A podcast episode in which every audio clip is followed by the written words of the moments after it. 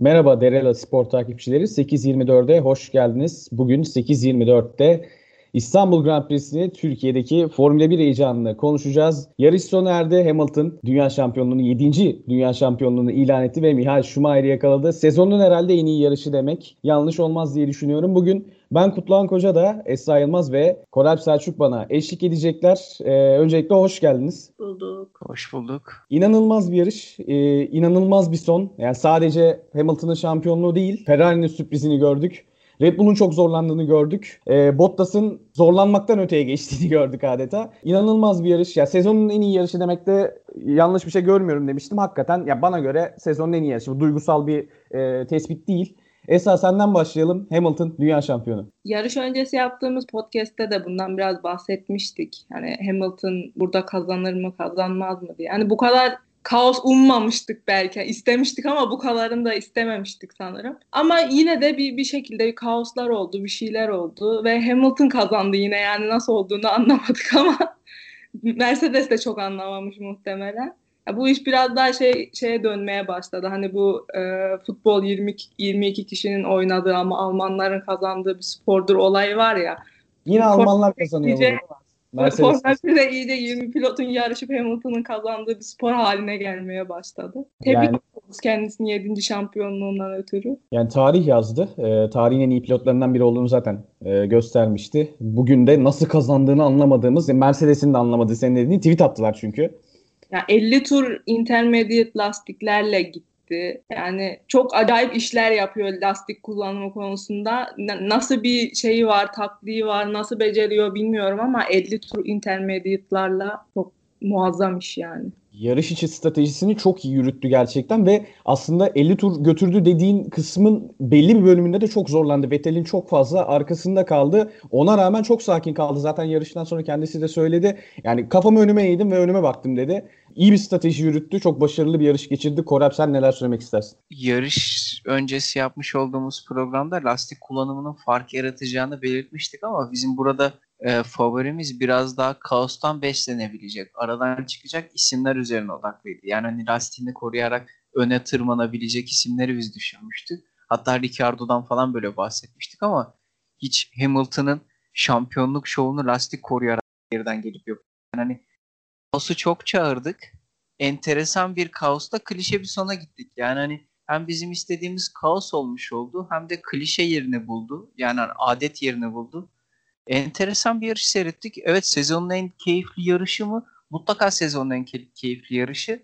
Ama keyfimiz artı ben yarışın bir, bir arasında biraz daha şeydim. Yani hani Perez, Stroll, Albon podyumu göreceğiz herhalde. İşte hatta Kutlu Monza'dan bahsetmişti podyum konuşurken diye bir temennim vardı.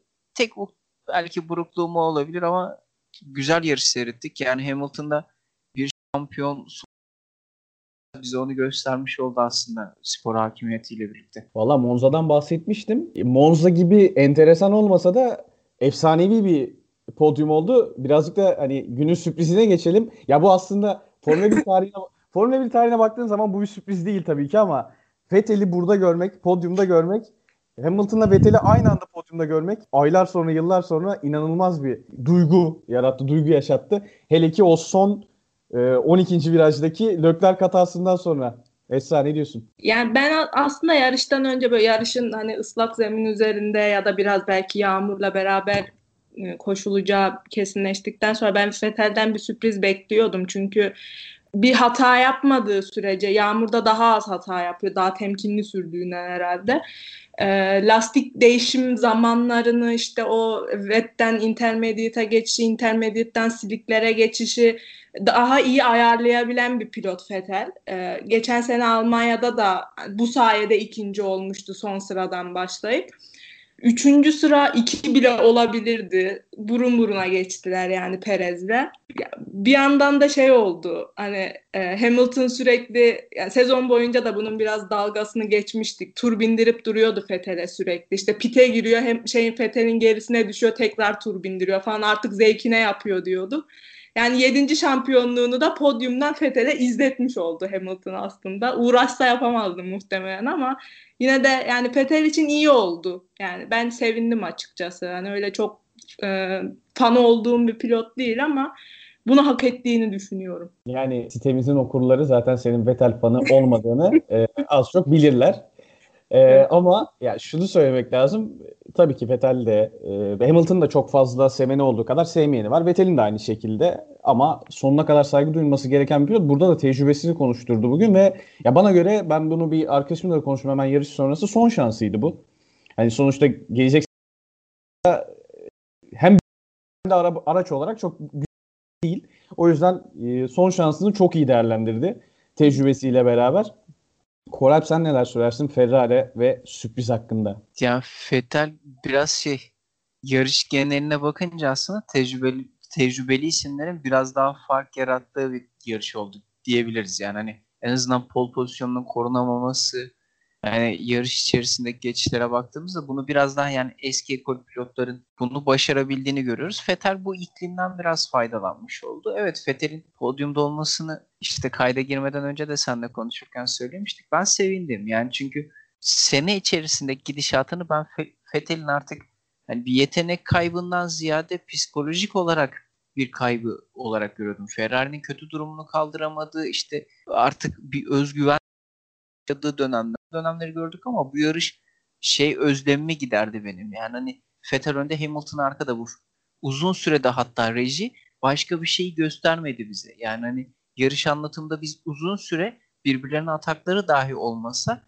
Vettel Hamilton'ı seyrettik. Yani hani bu reji de dahil herkesin aslında artık bu isimlerin rekabetini özlemiş olduğumuz. Yani hani Vettel'in yarış dahilinde olmadığı sekansların sadece Vettel için değil bizim için de tatsız olduğunu alışıklık dışarısında. Bunu hissettirmişti bana. Ferrari açısından sevindim. Yani hani uzun zamandır podyumda söz konusu bir Ferrari görmüyorduk. Kırmızıları tekrardan ilk 5 içerisinde rekabetçi pozisyonda görmek gayet hoş. Yani daha iyi bir pozisyonda olabilirdi son anda sürprizde. Ben tam olarak çözemedim de ne olduğunu ama Leclerc bir anda bir agresifliğinin ve kurban olduğu ya da telaşlı bir şekilde mi davrandı bilmiyorum. Son 12. virajda aslında öne ikinciliği almışken aynı saniye içerisinde de bırakmış oldu ikinciliği. Yani günün kazananı diyebiliriz aslında ya Vettel için. Ferrari için de daha doğrusu. Bu arada şeyi sormak istiyorum ben size. Ferrari'nin pit pit için, içinde en başarılı sezonun en başarılı yarışını geçirdiler diyebiliyor muyuz? Vettel'de bir hataları var. 5.3 saniye falan sürdü. Ha, Onun harici ha, analiz kısmı içerisinde aslında ben stratejist olarak düşünmüştüm. Ya strateji evet. olarak e, şöyle zaten e, intermediate'a geçme konusunda öncü olan marka Ferrari oldu. İlk olarak Leclerc'i onlar çağırdı. Benim sorum şu olacak. Bunda Matteo Binotto'nun e, duvarda olmamasının etkisi var mıdır? Çünkü bunu bunu birçok Ferrari hayranından duydum ben yarışın hemen ardından. Ya ben ben Binotto'yu öyle hani şey değilim. Ferrari'nin bu bu seneki durumunun sebebinin Binotto kaynaklı olduğunu düşünmeyen kesimdenim yani ben. Ee, o yüzden hani evet espri olarak denk gelmiş güzel Binotto yok diyedir belki yani. Ama yine de yapıla yapılırdı gibime geliyor. Aslında ben ilk başta erken diye düşünmüştüm intermediate'lara geçmek için. Pist daha ıslak görünüyordu. Ama intermediate bir geçti. Leclerc yani mor sektörlerle 3-4 tur attı yani. Sürekli en hızlı turu alıyordu. Dedim demek ki diyormuş yakın zamanlarda. Motor hala güçlüymüş. Ee, dedik e, ya güçlülerden şampiyondan bahsettik zaten Hamilton. Ondan daha sonra da bahsederiz program sonuna doğru. E, genel hafta sonunu değerlendirirken. Çünkü 6. sıradan başladı bir de. Hani onu da unutmamak lazım. Çok kötü iki gün geçirdikten sonra gelip şampiyonluğa e, galibiyetle uzandı. Ama birazcık da sıkıntı yaşayan takımlara ve sıkıntı yaşayan pilotlara geçmek istiyorum ben. E, özellikle Red Bull, e, Red Bull dün de çok sıkıntı yaşamıştı. Özellikle Intermediate'da e, hatta bugün de Verstappen yarışın başında tüm pilotlar, tüm takımlar pit stop yapıp Intermediate'a geçerken yoğun e, yağış lastiğinde kalmak istediğini ısrarla belirtti. Ancak bir yerden sonra onlar da geçmek zorunda kaldı. Ve Albon'da Verstappen'in de spin attığını gördük. Çok zorlandıklarını gördük. Korab sen neler söylersin Red Bull'un bu hafta sonu performansıyla alakalı? Ya şaşırtıcı. Red Bull'un sene içerisinde aslında bazı böyle bir iki tane yarış oluyor. Neden olduğunu bilmiyorum ama bazı pistlere uyum sağlayamıyorlar. Ve eğer Cuma günü piste çıktığında Helmut Marko'nun ekibi piste uyum sağlayamadıysa pazarı da o şekilde geçiriyorlar. Yani hani bunu gördük. Stratejist olarak çok iyiler ama bilmiyorum burada bir mühendislik eksiğim vardır. Bu hafta sonunda o onlardan bir tanesini yaşadık. Cuma günü de çok iyi değillerdi. Evet ve yani ıslak lastikte performansı hiç kötü değildi Verstappen'in ama lastik değişiminde intermediate lastikler kesinlikle yaramadı. Yani hani bunu nasıl yapabilirler bilmiyorum. Daha önce hangi yarışta bilmiyorum. Israrcı bir şekilde hard lastikleri, sert lastikleri kullanarak başarı elde etmişti Verstappen. Hani orada e, orta hamuru tercih etmedikleri bir yarışı vardı fakat burada yağmur ikliminde bunu bulunamıyorsunuz. Çünkü bu hani yarış stratejisinden de ziyade artık direkt sürüş performansı ve daha teknik bir gereklilik. Hani çok yar, yağmur yaramadı diyebiliriz Red Bull'a. Yani hani yağmurda lastiklerini çalıştıramadılar. Özellikle kalkışta çok büyük bir kayıplar oldu. Verstappen'in bayağı patinajda kaldığı ve hani iki buçuk saniye, üç saniyeye yakın hızlanamadığı bir sekansı gördük. Bu çok kaybettirdi onlara. Onun dışarısında aslında yarışta çok da kötü değillerdi yarış temposunda. Yani hani eğer Verstappen'in yarışın 10. turundaydı galiba. Doğru bir ivme yakalamış olsaydı Perez'e yapabileceği bir hata vardı. Yani orada Perez'i geçmiş olsa belki de Hamilton için de Verstappen için de farklı senaryo konuşabilirdik. Yani bu agresifliğe sahip bir pilot ama dediğim gibi genel olarak bu hafta sonu Red Bull için bir türlü lastikleri çalıştırmanın yöntemini bulamadıkları bir hafta sonu oldu. Formula 1 e, sporcu formun formunun tek başına yetmediği bir spor. Yani teknik birçok altyapısı var. Lastik kullanımı, mühendislik dahil, e, pit stratejileri de dahil. Yani kazanan kaybedenler de neyi iyi yaptıklarında birçok arka plan işinden bahsederken Red Bull'da da bugün Verstappen Albon'un dışarısında geri kalan hiçbir çok iyi giden bir durum yoktu gibi.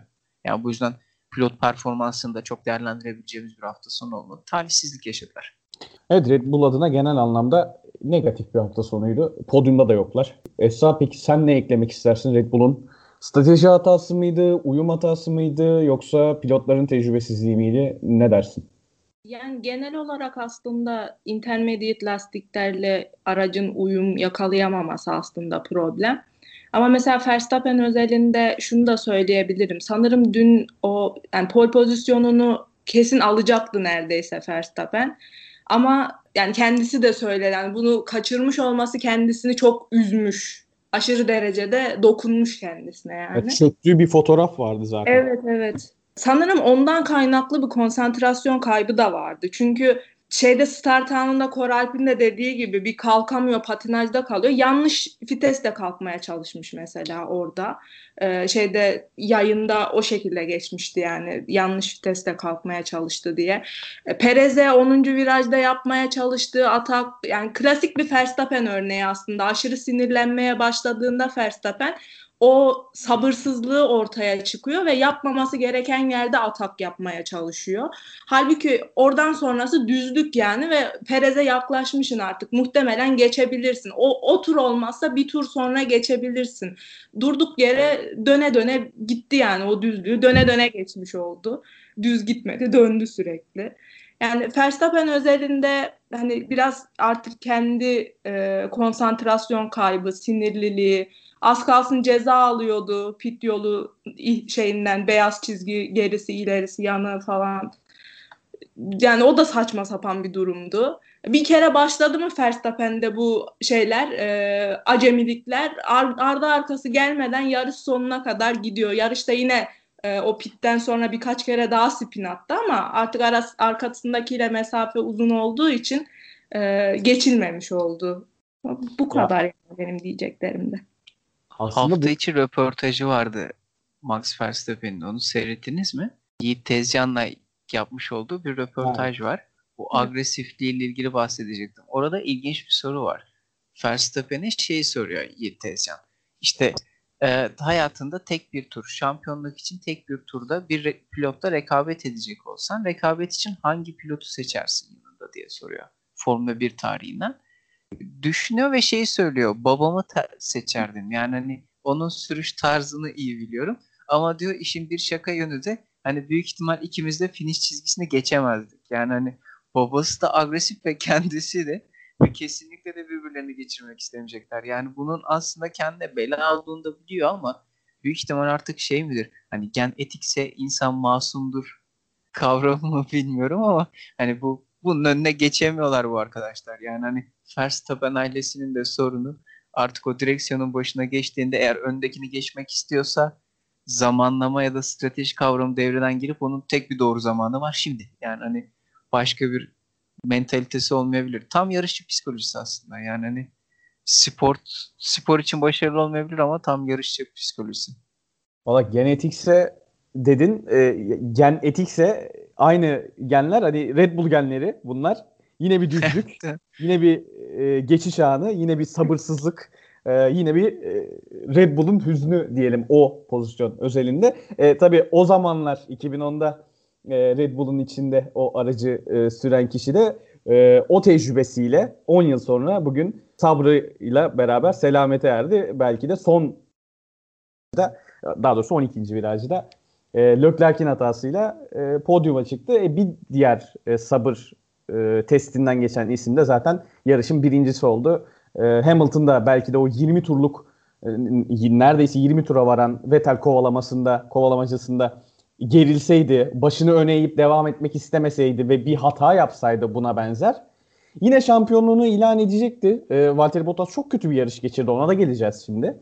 Ama e, bu şekilde e, bir şampiyonluk ilanı çok daha görkemli, çok daha şaşalı oldu. E, bunda hiç şüphe yok. Peki e, birinciliği aldığı isimler, Pembe Panterlere gelelim. Pembe Panterler 1 ve 2'de gayet iyi başladılar aslında ama zemin kurudukça onların da e, yarışının e, negatife evrildiğini gördük. Özellikle Stroll açısından Stroll 8'e kadar geriledi. Önce Stroll açısından konuşalım. Perez açısından çok çok olumsuz bir sonuç değil bence. E, Esra ne dersin Stroll hakkında? sanırım tecrübesizlik etki oldu, etki etti ya da bilmiyorum. Normalde aslında Stroll'ü hep biz sıralamalarda e, kötü sonuçlar alıp daha sonra bu kötü sonuçların telafisi olarak yarışta genelde puan barajına girmiş olarak görüyorduk geçtiğimiz senelerde. Bu sene tam tersi oldu. Pol pozisyonunu aldı. Hiç yani hiç beklemediğimiz bir anda. Ama yarışta bunu bir türlü koruyamadı. Yani aslında iyi de gidiyorlardı. Ba- bayağı başta iyi gittiler ama sanırım intermediate'ların peak noktasına çok çabuk ulaştılar ve ondan sonra ani bir düşüş yaşadılar. Bilmiyorum bu e, sanal güvenlik aracı periyodunun ne kadar etkisi vardır ama e, ikinci intermediate'lara geçtikten sonra da Stroll çok memnun değildi. Sürekli önden kayma problemi yaşadığını söyledi. 8. mı düştü en son 9'a evet. mı düştü? 9'a düştü galiba 9. en son. 9. Perez, Perez yine iyi tutundu. O da hani şey ikinci pite girmediği için yani intermediate'ı ikinci kere takmadığı için e, o da ikinci sırada kalabildi yani. Koralp'e geçerken de e, Perez'e geçeyim istiyorum. E, Racing Point'in e, podyumdaki ismi. E, birazcık daha tabii ki biraz daha bayağı bir olumlu bir e, sonuç e, Perez adına. Kariyerinde hiç birinciliği yok. E, bir fırsat geldi eline belki bugün ama e, Hamilton e, tecrübesini yenemedi. Yine de kendi takım arkadaşına göre tecrübeli olduğu için ve yarışın genel e, pilotlarına baktığımızda tecrübeli olduğu için o da kendisini iyi koruyarak, iyi saklayarak yarış sonuna en azından. Özellikle o son e, atak atağında Leclerc'in çok sakin kalarak belki de o atağa cevap vererek iyi bir savunma yaparak ikinci sırada kalmayı başardı. Neler söylersin? Yani işte, yarış için genelde Serhan Acar'dan alıştığımız o DRS'in başlatma anı var. Eğlenceyi başlatıyor şeklinde söylenen. Yarışın ortasında DRS açıldığı zaman büyük ihtimal Racing Point için eğlence bitti. Yani hani arkasında biraz daha çünkü e, sıralama turlarındaki tempolarıyla yarış tempoları biraz daha düşüktü. Yani kötü yarış çıkartmadılar evet. Özellikle yarışın başında herkesin biraz daha kontrollü olduğu dönemlerde e, biraz arayı açmanın peşindelerdi. Tempoları biraz daha yüksekti arkasındaki araçlara göre ama hani belki biraz tecrübe yani tecrübesizlik Racing Point üzerinden değerlendiriyor olursak biraz da onun agresifliğiyle birlikte yarışın temposunda hızlı düştüler. Bir de o sırada da DRS açılmış olunca zaten yani Lance Stroll, Sergio Perez ikilisinin Hamilton'ın karşısında nasıl hiç duramadıklarını gördük. Yani hani belki Fetel tuttu diye bahsetmiş olduğumuz aralıkta Fetel yanlış hatırlamıyorsam DRS ile birlikte arkasında önünde kalmadı hiç Hamilton'ın belki Fethel'in de aynı şekilde eridiğini görecektik. Tabii tabii. Hani kesin. DRS'e çıktıktan sonra Zaten bu yarışta Hamilton'ın Hamilton'ı överken Hamilton'ı işte 7. kez boşuna şampiyon olmadı bu adam. Sonuçta o da stratejisinin bir parçası o. DRS'in açılmasını bekledi belki de ve sabrın e, selameti dediğimiz şey o. Yani Verstappen'de veya diğer genç pilotlarda yarışın ilk kısmında özellikle görmediğimiz şey bu. Vettel'de Hamilton'da çok sabırlı hareket ettiler. Perez de aynı şekilde ilk yarısında da yarışın ikinci Tabii. yarısında çok sabırlı hareket ettiler. Ya Monte Carlo simülasyonunda neyi görüyorlar analizler onu çok bilmeden de yorumlamak biraz zor.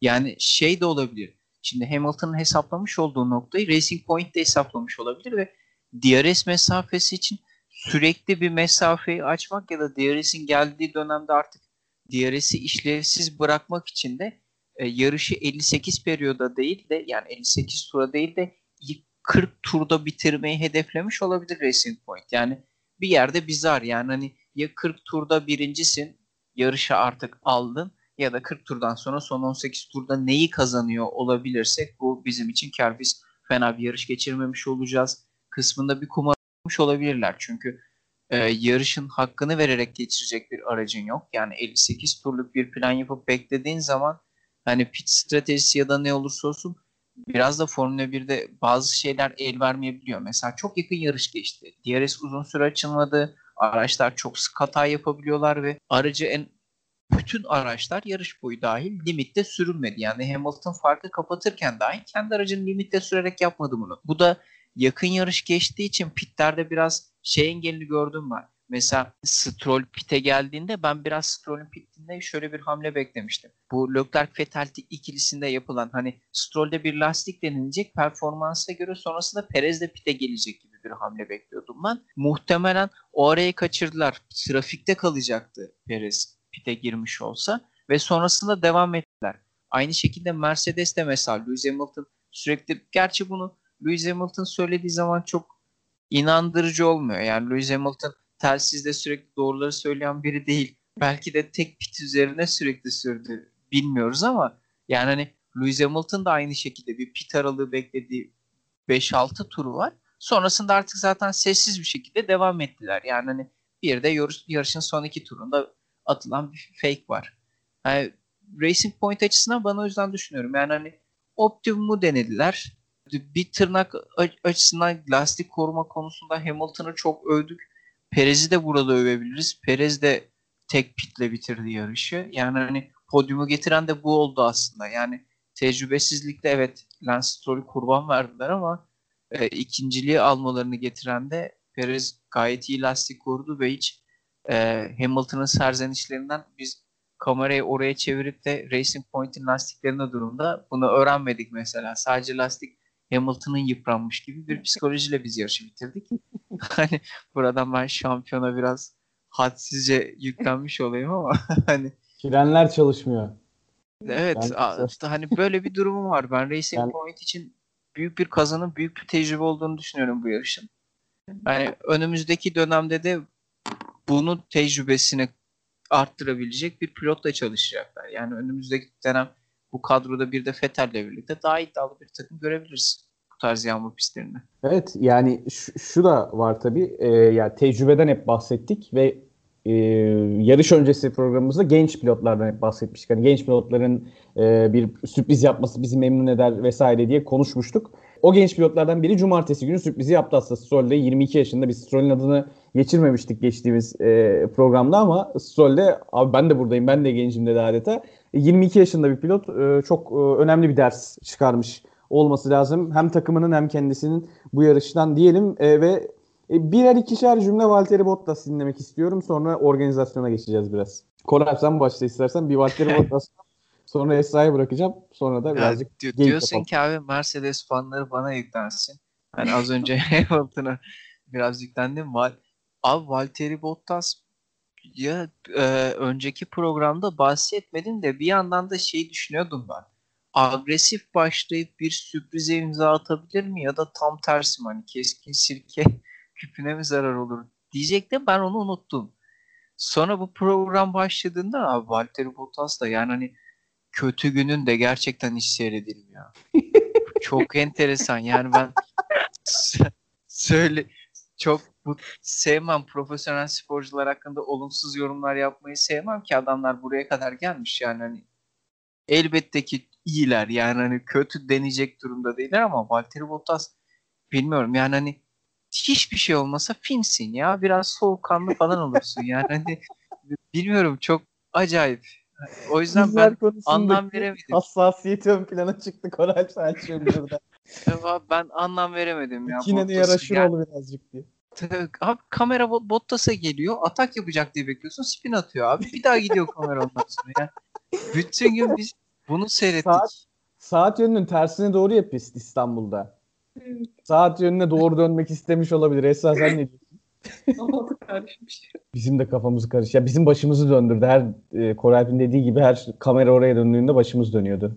Ya ben bir ara şey oldum. Acaba hani bir attığı spini tekrar tekrar mı gösteriyorlar yoksa tekrar tekrar spin mi atıyor? Ben bir ara onun şeyine girdim, bug'ına girdim böyle ne oluyor diye. Çünkü bir ara şeyi gösterdiler hani yarış boyunca atılan spinleri böyle tek tek gösteriyorlardı şey replay şeklinde. Dedim acaba hani Bottas'ın şu an attıkları da bunlara dahil yoksa yeni mi atıyor bunları? Yani gerçekten Koralp'in dediği gibi kötü gününde de hiç çekilmiyor. Bilmiyorum şi- şimdi yarıştan sonra da şey açıklaması yapmış. Ee, Hamilton'ı seneye yenmeyi deneyeceğim diye. Artık yani bıktık. İnanmıyor kimse bunlara. yani ben biraz şeyin Koralp'in aksine e, seviyorum sporculara sallamayı. Bottas da salladığım isimlerden biriydi. Yani ben bulunduğu konumu hak ettiğini düşünmüyorum bu arada Bottas'ın. Yani bilmiyorum nasıl bir şeyde e, Williams tanıtımla böyle marketingle mi artık ne denir bilmiyorum. E, Bottas'ı Mercedes'e gönderdi ama yani ben bulunduğu konumu hiç hak ettiğini düşünmüyorum Bottas'ın. Evet. Bottas'a 1-2 dakika sallayalım dedik. Bottas'ın kariyerini bitirdik. Güle güle. Devam edelim. Ee, ya birazcık yarıştan artık e, çıkmak istiyorum. Hamilton'ı kutladık. Ferrari'yi kutladık. Red Bull'a e, başsağlığı diledik. Bottas'a başsağlığı diledik.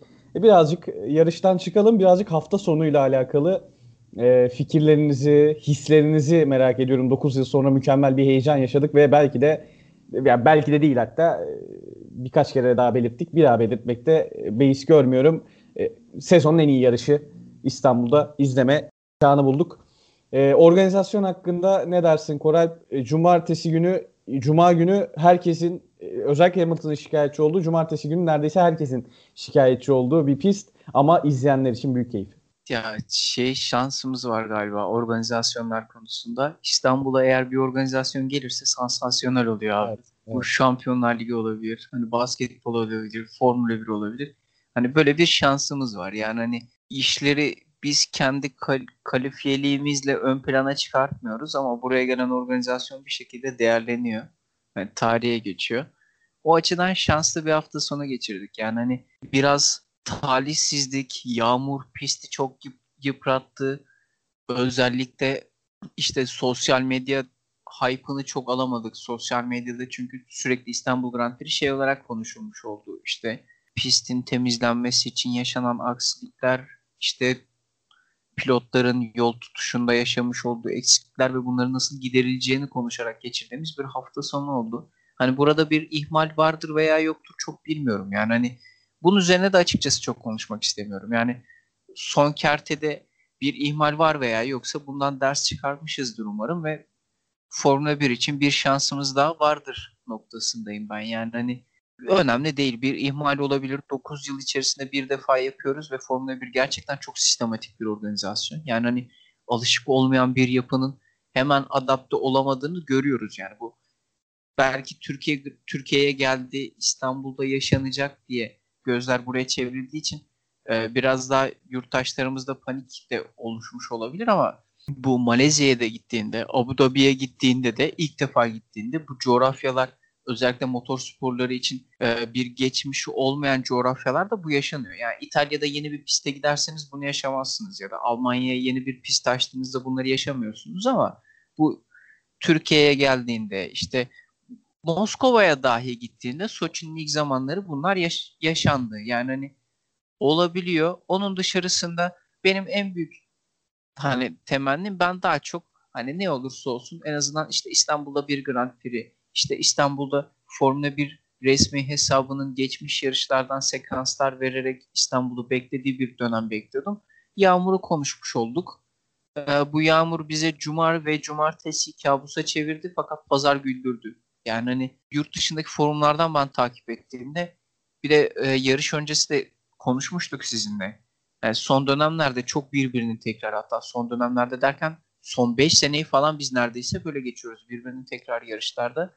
Artık seyircinin ilgisi şu olmaya başladı. Yarış birbirinin tekrarı gidiyorsa çevir, başka bir şeye bak. Kazalar olmaya başlıyorsa aç şeklinde bir rating metresi vardı bir yarışın. Bunu tekrar kazandığımız bir yarış oldu. Güzel yani hani eski yarışa nazaran ben şeyleri görmeye başladım. Formula 1 takip etmeyip işte ya en son kim vardı abi ben en son takip ederken Schumacher yarışıyordu deyip de yarışı seyreden insanlar oldu. Bu hoştu. Mesela ben yarışı babamla birlikte seyrettim. Hani babam en son ne zaman Formula 1 yarışı seyretmiştir bilmiyorum. Birlikte seyrettik ve keyif aldık yani. Hani umarım bu ambiyansla devam eder böyle. Herkes için keyifli bir yarış dediğin kesinlikle doğru. Ya kaos dilemiştik biz yarış öncesi senin de dediğin gibi. O kaosu e, fersah fersah aldık herhalde. E, ya bu arada ihmal konusunda ben bildiğim kadarıyla aktarayım. Pist yenilemesi için yani asfaltlama için FIA ile görüşülüyor. FIA onay veriyor. Yani olmasa da olur ama e, olursa da sorun olmaz tarzında bir onay veriyor. Onay verildikten sonra yeni asfaltlama çalışması yapılıyor. Bu pistin tutuşunu, pist tutuşunu azaltıyor. Hamilton'ın şikayetçi olduğu konu buydu Cuma günü. Daha sonra Cumartesi günü yağmur yağınca hem tutuşu az olan pist hem de yağmurla birleşince inanılmaz e, takımların özellikle şikayet ettiği bir ortam oluşturuyor.